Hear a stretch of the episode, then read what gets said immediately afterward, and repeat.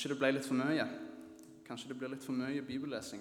Kanskje det blir for mye, men at det kan ta sin tid å komme igjennom. Så la oss komme i gang. Og det Grunnen til at jeg har valgt å ta med så mye bibeltekst i dag, er fordi at det temaet som jeg skal dekke, eh, skyggen av Kristus, er et ekstremt stort tema og er veldig vanskelig å si, komprimere til en kort tale. Eh, men, men det viktige i dette her med å finne skyggen av Kristus i Gamle Testamentet, det er konteksten og sammenhengen. Det er det som er eh, essensielt. Eh, før, før, jeg begynner på noe som helst om min tale, så vil jeg si litt om en ting som jeg bruker mye tid på når jeg er på jobb. Eh, og, og kjører tog. Eh, for da, når, når jeg kjører godstog, så trenger jeg ikke tenke på passasjerer. Jeg trenger ikke tenke på hvor jeg skal stoppe henne. Jeg bare peiser på.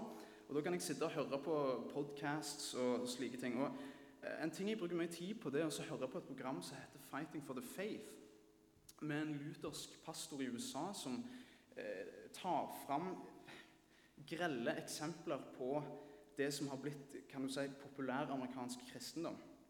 Og Jeg kunne snakket om det hele dagen. Men det som jeg tar opp nå, det handler litt om det rare som foregår. og Det er en av de populære trendene som har skjedd mye der borte. Og Jeg er litt urolig for det. fordi at det, det jeg hører av kristen forkynnelse borte i USA, som begynner å bli veldig populært, har fått veldig mye drivkraft, er noe som heter moralistisk terapeutisk deisme, som blir forkledd som kristendom fordi at det, det er den kristne kulturen som står sterkest.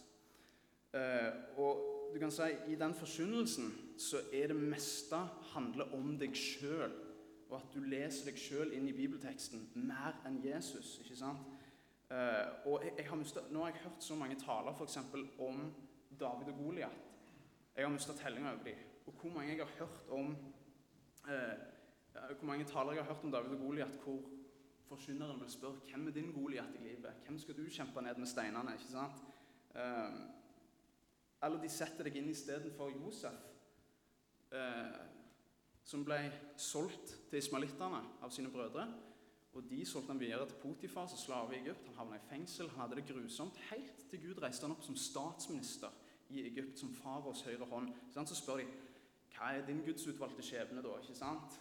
Og så får de på en måte det som handler om Jesus, til å handle om oss. Og det blir feil i den grad at vi skal ikke lese oss sjøl inn i det. Vi skal ikke lese oss sjøl inn i hvem vår Goliat er som vi må nedkjempe, eller hva vår gudsutvalgte skjebne er. Og, og, det er en god ting. Det er en god nyhet. Fordi at eh, når GT ikke handler om oss direkte, men indirekte, så handler det om Jesus direkte og hva han har gjort for oss. Og det kommer vi tilbake til. I amerikansk kristendom så er det òg et gyselig populært vers i Jeremia. Og Dette er òg et klassisk eksempel på et sånn, eh, sånn vers som tas helt ut av sammenheng. Og Det er veldig fint, men det er ikke for oss skal dere høre. Dere har garantert hørt det før. Jeremia 29,11. For jeg vet hvilke tanker jeg har med dere, sier Herren. Fredstanker og ikke ulykkestanker. Jeg vil gi dere fremtid og håp. Og Det er jo sant at Gud vil det til oss òg, uten tvil. Men akkurat dette verset her er sagt til israelittene i deres desperasjon. De er fanga, de tror de skal møte den sikre destruksjon. De er sikre på at alt er fortatt, men Gud sier «Eh, eh, eh, det løftet jeg har til dere Det løftet jeg har til dere, sier Gud, det skal jeg holde fast ved. Ikke glem det. sant? Nå og Hvis vi leser det verset om, som om det handler om oss sjøl, så kan vi jo på en måte få alt i Bibelen til å handle om oss sjøl og dra vers ut av sammenheng. Men og her sier jeg stopp en hal. Kirkefaren Clemens av Roma han sa det slik Gjennom GT så går det en skarlagenstråd. Og Den bryter fullt ut når ordet blir skjøt, og viser seg i all sin glorie i fullkommenhet når skjøtet går på korset og dør og står opp igjen på den tredje dag. Alt for at våre synder skal tilgis. ikke sant? Og Den skarlagenstråden er den jeg skal prøve å fange essensen av nå. Og Da begynner vi i Josva kapittel 2. For det er her Clemens av Roma henta inspirasjonen til den tanken. Josfa, Nuns sønn, sendte i hemmelighet to spioner ut fra Shittim. Han sa, 'Gå og se nærmere på landet og Jeriko.'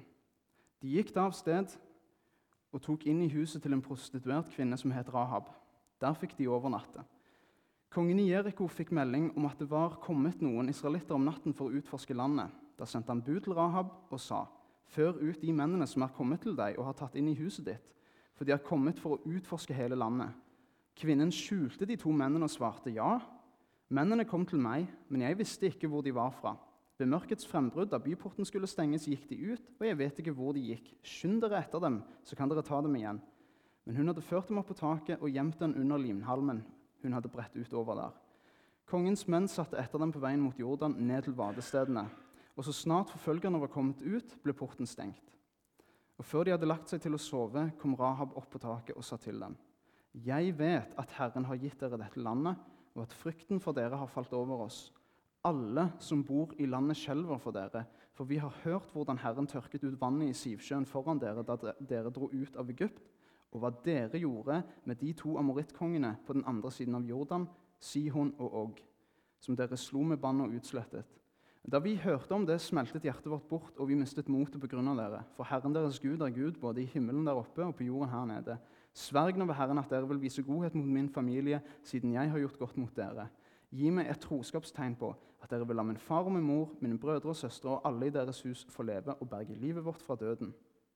Og Da svarte mennene, med vårt eget liv skal vi stå inne for deres liv. Så sant du ikke røper planene våre. Når Herren gir oss landet, skal vi vise godhet og troskap mot deg.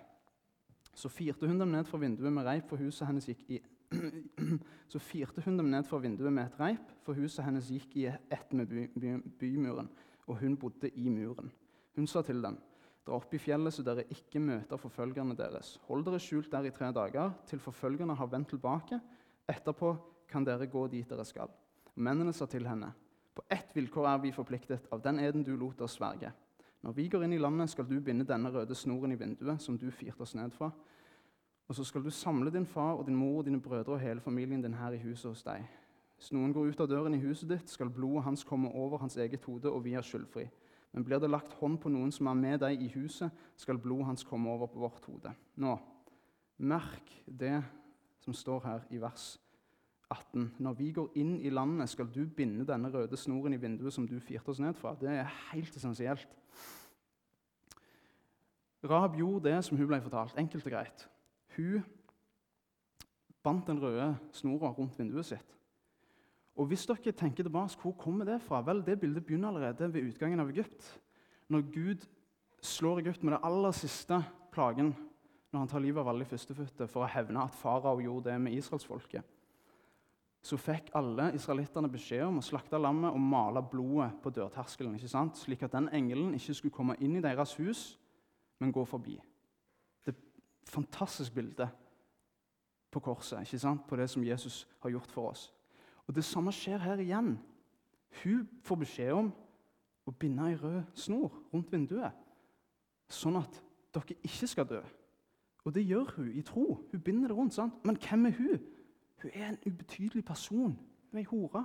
Hun har all verdens synd på seg, ikke sant? men hun tror Gud. Hun setter sitt håp til han, ikke til seg sjøl. Veldig viktig å få med seg. Og Der begynner det så tydelig med israelsfolket i Egypt og så videre med Josfa her, hvor Rahab får frelse fordi hun tror, hun frykter Gud. Jeg vil ikke være en del av dette folket som synder så stort. Jeg vil ikke være en del av Jeriko, jeg vil være med dere. Yes, det skal du få lov til å være. Bind den røde snora rundt vinduet ditt. Det er det som frelser deg. Vi ser i Johannes kapittel 3, vers 13-17. Her er Konteksten her er at Nikodemus har kommet til Jesus på natta, for han tør ikke å komme til ham på dagen. Men Nikodemus er veldig på vei til at Jesus, du må jo være den sanne Messias. Eh, samtalen bærer preg av at Nikodemus virker til å ville tro det. Men han, han, han, klarer ikke å se det i teksten, så Jesus hjelper han litt. Vi kommer litt midt inn i samtalen her, men dere kjenner jo selvfølgelig Johannes 3, 16, er jo det berømte så, så, leser vi fra vers 13. Ingen annen har steget opp til himmelen enn han som har steget ned fra himmelen, menneskesønnen som er i himmelen. Og slik Moses løftet opp slangen i ørkenen, slik må menneskesønnen bli løftet opp, for at hver den som tror på ham, skal ha evig liv. For så høyt har Gud elsket verden, at han ga sin sønn den enbårne for at hver den som tror på ham, ikke skal gå fortapt, men ha evig liv. Nå, Jesus sier det flere ganger. Dette er en av de gode eksemplene han tar på at det som skjedde med Moses, handler om meg. Det er om meg, sier Jesus. Og det bildet, hvis dere ikke husker det helt, det han bruker om kobberslangen i ørkenen, det har, jeg vet jeg har blitt talt om her tidligere. og Det er altså disse slangene som Gud sendte når israelsfolket begynte å klage. De beit de, og gifta var dødelige. Og Så sier Gud at se på meg. Nå skal Moses reise denne kobberslangen opp. Alt dere trenger å gjøre, er å se på han. Jeg trenger deres tro til meg. Ha tiltro til meg. Og alt de trengte å gjøre, var å se på den slangen. Det var ingenting de sjøl måtte gjøre av triks, av ofring, av ditt eller datt. Det var bare å se på den kobberslangen. Så Jesus tar det bildet videre med seg. Vi leser Johannes 5, vers 45-47. Tro ikke at jeg vil anklage dere hos far. Den som anklager dere, er Moses, han som dere setter deres håp til. Nå snakker han til fariseerne, som satte alt sitt håp til at frelsen skulle komme fordi de var så gysla gode til å holde loven. Hadde dere trodd Moses, hadde dere også trodd meg, for det er om meg han har skrevet. Hvis dere ikke tror hans skrifter, hvordan kan dere tro mine ord? Ja, sier han det rett ut. Hele Moselov, alle bøkene, alt der, det handler om meg, om mitt komme. Så GT peker på Jesus. Hele Gamle testamentet er gjennomsyra av det. Og skarlagenstråden, det er Jesus. Nå skal vi ta for oss denne utrolig berømte teksten i 1. Samuels bok, kapittel 17, om David og Goliat. Den har jeg lyst til å lese for dere. Og vi skal, skal legge den ut mens vi leser. skal vi se på den. Det er vers 1-52. Det er langt, men dette skal gå bra. Filistene samlet hærene sine til kamp. De kom sammen ved Soko i Juda og slo leir ved Efes Damim mellom Soko og Aseka. Saul og israelittene samlet seg også. De slo leir i Eladalen og gjorde seg klar til kamp mot filistene. Filistene sto oppspilt i den ene fjellskråningen, oppstilt i den ene fjellskråningen og israelittene i den andre. Bare dalen var imellom dem. Og Da trådte det fram fra filisternes rekker en mann som utfordret til tvekamp. Han het Goliat og var fra Gat. Han var seks alen og et fingerspenn høy. Ni fot står det i andre oversettelser. Røftlig tre meter. På hodet hadde han en bronsehjelm, og han var kledd i en skjellbrynje av bronse. Den veide 5000 sjekel. På leggene hadde han en bronseskinner, og på ryggen bar han en sabel av bronse. Skaftet på spydet hans var tykt som, vevbom, som en vevbom, og spydspissen var av jern og veide 600 sjekel. Og skjoldbæreren gikk foran ham. Goliat stilte seg opp og ropte til Israels hær.: Hvorfor drar dere ut og gjør dere klar til kamp? Er ikke jeg en filister og dere Sauls tjenere? Velg ut en mann og send ham ned til meg. Hvis han kan kjempe med meg og felle meg, skal vi være slaver for dere. Men hvis jeg vinner over ham, feller ham, skal dere være våre slaver og tjene oss. Så han håner de, og så sier han at eh, og enkelt og greit Filisterne har denne mannen her, han er deres joker i ermet. Goliat er så svær at uh, ingen av oss hadde hatt sjanse til å ta han. Og det han sier der, er egentlig litt sånn halvsannhet. Fordi jeg tror nok realiteten er at filistene hadde tenkt å utslette israelittene fra jordas overflate aller helst hvis de hadde fått muligheten. Uh, men han gir dem et tilbud. Én mann mot meg fra dere. Slår han meg, så skal vi være deres slaver. Slår jeg han, skal, slave, skal dere slave oss. Da Saul og alle israelittene hørte hva filisteren sa, ble de svært redde og mista motet. Og det er ikke så løye. Denne mannen er kolossal. Uh, jeg har problemer med å lekeslåss med folk på min egen størrelse. Dette er en mann som er langt, langt større. Og Så kommer det inn en liten gutt som ingen hadde forventa skulle gjøre den store heltegjerningen. Og allerede i denne hendelsen så er David salva til konge. Han blir salva rett før dette her av Samuel. David var sønn av Isai, som tilhørte Efrat-slekten fra Betlehem i Juda. Og Denne mannen hadde åtte sønner. På Sauls tid var Isai gammel og skrøpelig, og Isais tre eldste sønner hadde fulgt Saul i krigen. Av disse tre sønnene som hadde gått i krigen, het den eldste Eliab, den andre Abinadab og den tredje Shamma.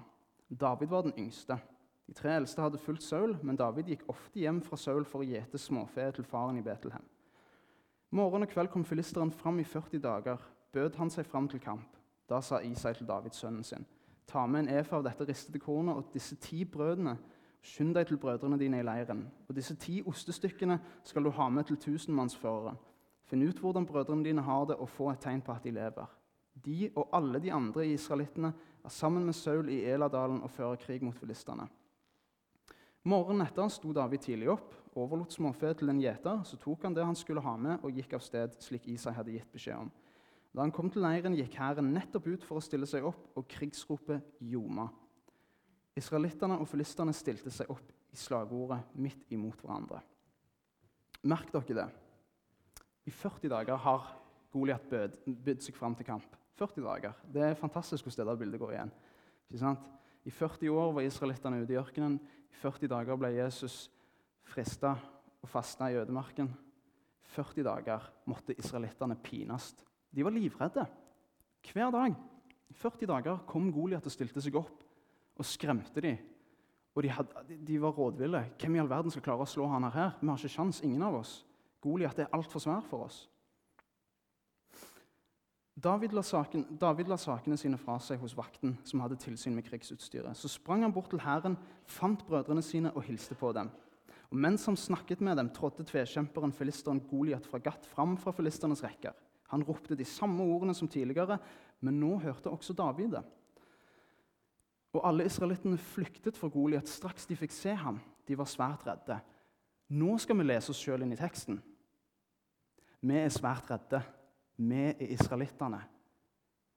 Og Det som Goliat representerer her, er ikke bare en stor og uovervinnelig mann. Han er et bilde på døden, på Satan, på synd, på alt det som vi ikke klarer å overvinne. Og vi står og skjelver, for vi ser dette monsteret her. Vi har ikke sjans i havet. Hvem kan ta han her? Det virker helt umulig, uovervinnelig. Og da sa de seg imellom Ser dere denne mannen som kommer fram der? Han kommer for å håne Israel. Den som feller ham, vil kongen gi stor rikdom og sin datter med, og hans slekt skal være fritatt for skatt i Israel. Det sier ikke rent lite om Saul sin desperasjon etter å bli kvitt denne mannen og vinne over filistene. Altså, Saul skal gi en, Den som vinner over Goliat, skal få stor rikdom. Han skal få datteren til Goliat Nei, datteren til, Goliath, datteren til Saul og hans slekt skal være fritatt for skatt i Israel. Det er noen rimelig gode tilbud her. Men de er ikke gode nok til at noen i Israel eh, tør å stå fram av soldatene. av de som faktisk var våpenføre menn. Det er ingen som tør til tross for denne belønninga som ble lova. David spurte de mennene som sto sammen med ham, hva var det han skulle få, den mannen som feller filistene og tar slik vanære bort fra Israel. David hører det og tenker hm, kanskje jeg kan gjøre en god deal her. Hvem er han vel, denne uomskårne filisteren som våger å håne den levende Guds hær? Folket gjentok det som var sagt. Det og det skal han få, som feller Goliat. Eliab, Davids eldste bror, hørte hva han snakket med mennene om. Han ble sint på David og sa, 'Hvorfor er du kommet hit ned? Hvem har du, fått, hvem har du fått til å gjete den lille saueflokken ute i ørkenen?' 'Jeg vet hvor frekk og ond du er. Du har bare kommet hit ned for å se på slaget.' Jeg kjenner det så igjen. Jeg har vokst opp i en liten søskenflokk eh, på tre brødre. Jeg var yngst. Min eldstebror var ni år eldre enn meg, og dette her er noe jeg kjenner igjen. Du kommer, du skal bare se hva som skjer. Hei, hva du gjør her? Kom deg vekk, den lille dredung. Ikke sant? Det er litt sånn. Ikke sant? Her er du bare for å plage oss. Kom deg vekk. Og så sier han, 'Hva galt har jeg nå gjort?' sa David. 'Jeg spurte jo bare.' Oh, ja, jeg vet. Så vendte han seg fra broren og gjentok spørsmålet for en annen. Og folket ga han det samme svaret som første gangen. Det ble snart kjent hva David hadde sagt, og så kommer det for Saul sine ører, og Saul sender bud til ham. Og Så sier David til Saul, 'Ingen må miste motet.' Og din tjener skal gå opp og kjempe med denne filisteren. Men hvem er det David nå begynner å danne et bilde av? Det er ikke meg og deg. Han begynner å forme et bilde av Jesus. Han blir en skygge og en type av Jesus. Fordi han viser mot. Han er den minste. Han er den minste i søskenflokken av åtte brødre. Og han er den minste som antageligvis står blant alle Israels soldater her nå. Men han vet at denne Goliat, den der kjempen fra filistene, han er piece of cake for en mektig Gud som vi har. Men Saul svarte, 'Du kan ikke gå mot filisteren og kjempe med ham.' 'Du er jo bare unggutten, og han har vært kriger fra ungdommen av.' Da sa, David, da sa David, 'Din tjener har gitt småfe for sin far.' 'Kom det en løve eller bjørn og tok et fe fra flokken,' 'sprang jeg etter den og slo den og rev fe ut av gapet på den.' 'Og reiste den seg mot meg, grep jeg den i manken og slo den i hjel.' Ikke løye han er så modig, han som har hatt åtte brødre, eller syv eldre brødre. Du blir modig og sånt. Både løve og bjørn har den tjener felt, og det skal gå denne uomskårne filisteren som dem, for han har hånt den levende Guds hær. Og David la til, Herren som har berget meg fra løve og bjørn, han skal også berge meg fra denne filisteren. Og Da sa Saul til David, Gå, måtte Herren være med deg. Saul lot David få sine egne klær, satte en bronsehjelm på hodet hans og iførte ham en brynje. Og hør nå, David bandt Saul svært utenpå klærne og forsøkte å gå, men forgjeves. Det ramla sikkert av han, det var så svært. For han hadde aldri prøvd dette før. 'Jeg greier ikke å gå med dette på meg', sa han til Saul. 'Jeg er ikke vant til det.' Nei, for han hadde jo bare hatt stokken og steinene han når han gjette småfeer. Og alt han hadde hatt, han hadde ikke hatt sverd eller brynje eller hjelm. I stedet tok han staven sin i hånden og valgte seg ut fem glatte steiner fra elveleiet og puttet dem i gjetervesken som han bar over skulderen. Slyngen hadde han i hånden, og så går han fram mot filisteret. Og det er liksom helt sånn Alt han har med seg. Staven slynga og fem steiner fra bekken. Og dette her er det usannsynlige. Hvem kan overvinne Goliat uten våpen av metall? Ingen, tror vi. Da filisteren så framfor seg og fikk øye på David, fnyste han foraktelig av ham. For David var jo bare unggutten, rødskinnet og vakker å se til.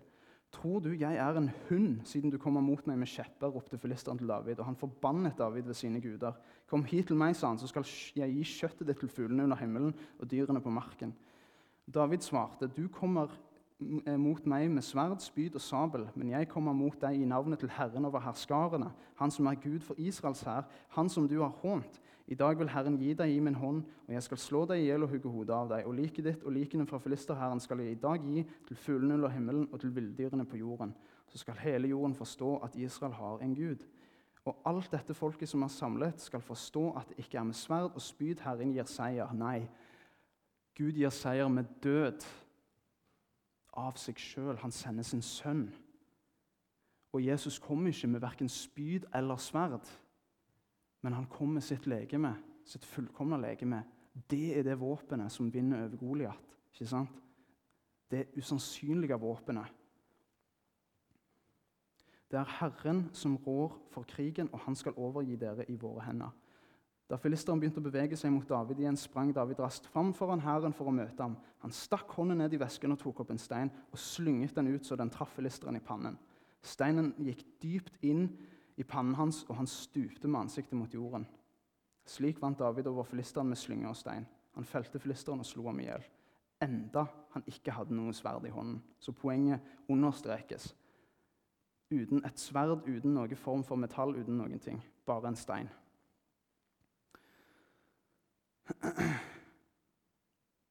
David er et bilde på Jesus. Og han er den usannsynlige som slår den uovervinnelige. Og det bildet er det samme som at det som virker usannsynlig, hvordan kan vi mennesker bli frelst? Hvordan går det an? Vi er så fulle av syndeskyld. Men det er fullt mulig fordi Jesus tar alt på seg. Og slik er det gjennom Gamle Testamentet. Det er ikke bare David. Noah syndfloden er bildet på Jesus. Israelsfolkets utgang fra Egypt og Jonas som var i fisken i buken i tre dager og tre netter. Og Det bildet med israelsfolket er nemlig et som blir veldig mektig når du tenker over dette. her. Akkurat som at de var i slaveriet i Egypt. Blir de frelst ut av det, slik blir vi frelst fra vår syndeskyld og fra syndens makt over oss. Så går de ut gjennom havet som åpnes for deg.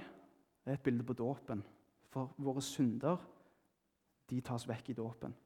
Og så er det ut i ørkenen, i ørkenvandringen. Og da leser vi Salme 22. Min Gud, min Gud, hvorfor har du forlatt meg? Det er ikke bare Jesus som ytrer de ordene, men vi òg gjør det i vår hverdag, i vår elendighet, i alt vi sliter med. Men Gud er der, men det virker som en ørkenvandring. Og Så kommer de på grensa til det lovede land, og her kommer det bildet som er så sinnssykt sterkt. Moses er ikke den som får lov til å ta dem inn i det lovede land. Gud tar Moses til seg. Han er en gammel mann, og han gjør en synd. Og Gud sier nå må du dø, men jeg skal ta deg til meg. Men du skal få se det lovede land fra en fjelltopp. Og så er det Jeshua som tar dem inn i det lovede land, også kjent som Josva.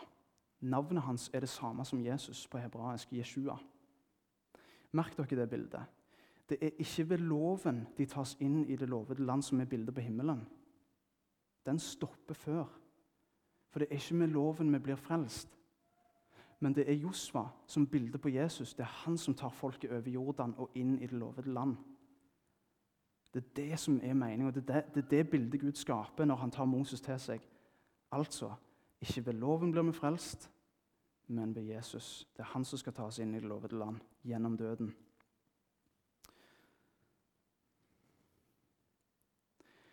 Så, Sånn er gangen i Gamle testamentet, gjennomsyra av skarlagenstråden som er Jesus Kristus. Når dommerne kommer, når israelsfolket straffes for avgudsdyrkelse og sendes i eksil i Babylon Alt dette skjer òg fordi at Gud beskytter dem og Judas stamme. Fordi Gud har gitt et løfte, og det er at det skal komme en frelser som han gir allerede ved fallet til Eva. Og han skal komme fra deg. Og når alt vi leser om i Gamle Testamentet, alt som skjer der, alle disse krigene, vel, det er en eksponering av vår tilstand òg. Men det er òg fordi at Gud må bevare Judas stamme. Så når de begynner å tukle med avgudsdyrkelse, med menneskeofring, med ofring av barn til Molok, så setter Gud en stopper for disse tingene her. Sørger for at dere skal overleve. Jeg har lovt en frelser gjennom dere. Jeg må bevare dere. Enten, altså, han sender dem til eksil, han sørger for at de blir holdt nede, sånn at de ikke fortsetter i avgudsdyrkelsen. Alt fordi at Gud har en frelsesplan som skal nå ut over hele jorda. Det er også derfor jeg ikke kan fordra det når jeg på en måte kommer litt i diskusjon med folk eh, som ikke kan så mye teologi, systematisk teologi. Og så liker de veldig ofte å dra fram det der verset da, eh, fra Moseloven som sier det at eh, alle homofile blant israelittene skulle steines. Perfekt eksempel på at du ikke har lest systematisk teologi. Eh, I Toraen så er det kjempelogisk hvorfor israelittene måtte gjøre det. Det er fordi at eh, den gangen så hadde de ikke fertilitetsklinikker. Og det at israelsfolket, som var et lite folk vel, Hvis Gud skal bringe frelse til jordas befolkning gjennom de, så må han òg sørge for at de den gangen ikke lar homofili tre fram blant seg, fordi at vel, hvordan skal de da få barn? I dag har vi teknologien til det, så dermed så faller det vekk uansett. Men poenget er at det, det har en grunn. Sant? Og så anklager de oss for ja, se, dere kristne, dere skal liksom steine homofile. Nei, vi, vi skal ikke det. Det var en lov som gjaldt da, for å bevare israelsfolket. Det hadde en hensikt. Ikke sant? Men vi har ikke fått det av Jesus at vi skal gjøre det. Overhodet ikke. Vi skal forkynne de evangeliet. Det skal vi. Nå Det som da Gamle Testamentet kommer fram til, det er det som er det aller viktigste for oss å huske på og leve ved for at vi skal være salt i verden. Og Når vi mister vår kraft, så kommer vi tilbake her for å høre det igjen og igjen. og igjen. Fordi at For oss så er det ikke naturlig at frelse kommer utenfra oss sjøl, at det er en objektiv ting. Og Det er det jeg vil appellere til oss alle her. At hva enn våre synder er, bekjenner de. For Gud er trofast, og han tilgir oss alt. Han tilgir alt. Han tilgir blasfemi, han tilgir mangel på kjærlighet til Gud og vår nabo. Han tilgir avgudsdyrkelse, han tilgir om ekteskapet ditt går fløyten. Han tilgir om du farer med løgn. Han tilgir alt tvil, vantro, alt du sliter med. Som 1. Johannesborg sier, er vi trofaste og bekjenner våre synder, så er han trofast og renser oss for de. Så det er ikke ett menneske på denne jord som står uten håp.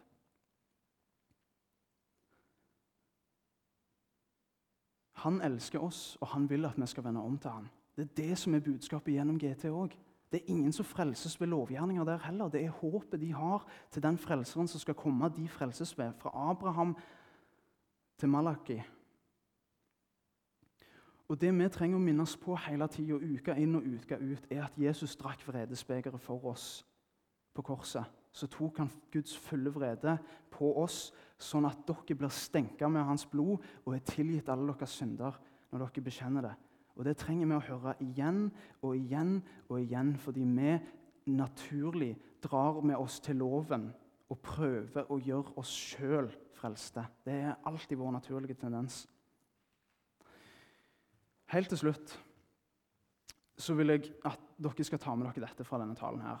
Og det er at Når, når dere hører andre snakke om GT-heltene, så skal dere kun gjøre som Hebreerbrevet kapittel 11 sier. og Det er at dere skal bruke GT-heltene som eksempler på tro.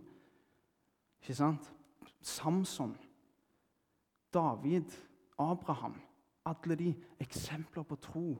Men ikke at vi skal lese oss inn i de og tenke liksom Hva stor ting skal jeg gjøre i livet? Altså, det er ikke det som er viktig. Det som er viktig, det er å se på vår mester, vår fullfører, han som har gitt oss både troen og frelsen ved sitt verk alene. Det er det essensielle. Det er det. Husk på det når folk leser GT for dere. Det handler om Jesus Kristus. Kjære Gud, takk for at du har all din nåde gitt oss frelse ved ditt verk alene. At det er ingenting vi kan gjøre annet enn å komme til deg, bekjenne våre synder og tro på deg og din frelse. Og Det ber jeg om at vi skal bli påminnet ofte og vel, for det trenger vi, Herre. Vi trenger å høre lov og evangelium, og vi trenger å høre spesielt evangelium. Vi er titt og ofte håpløse på å se på oss sjøl og se på hvor dårlig vi presterer. Men Herre, du må minne oss på det, at du har fullbyrda frelsen for oss all ene og alene. Amen.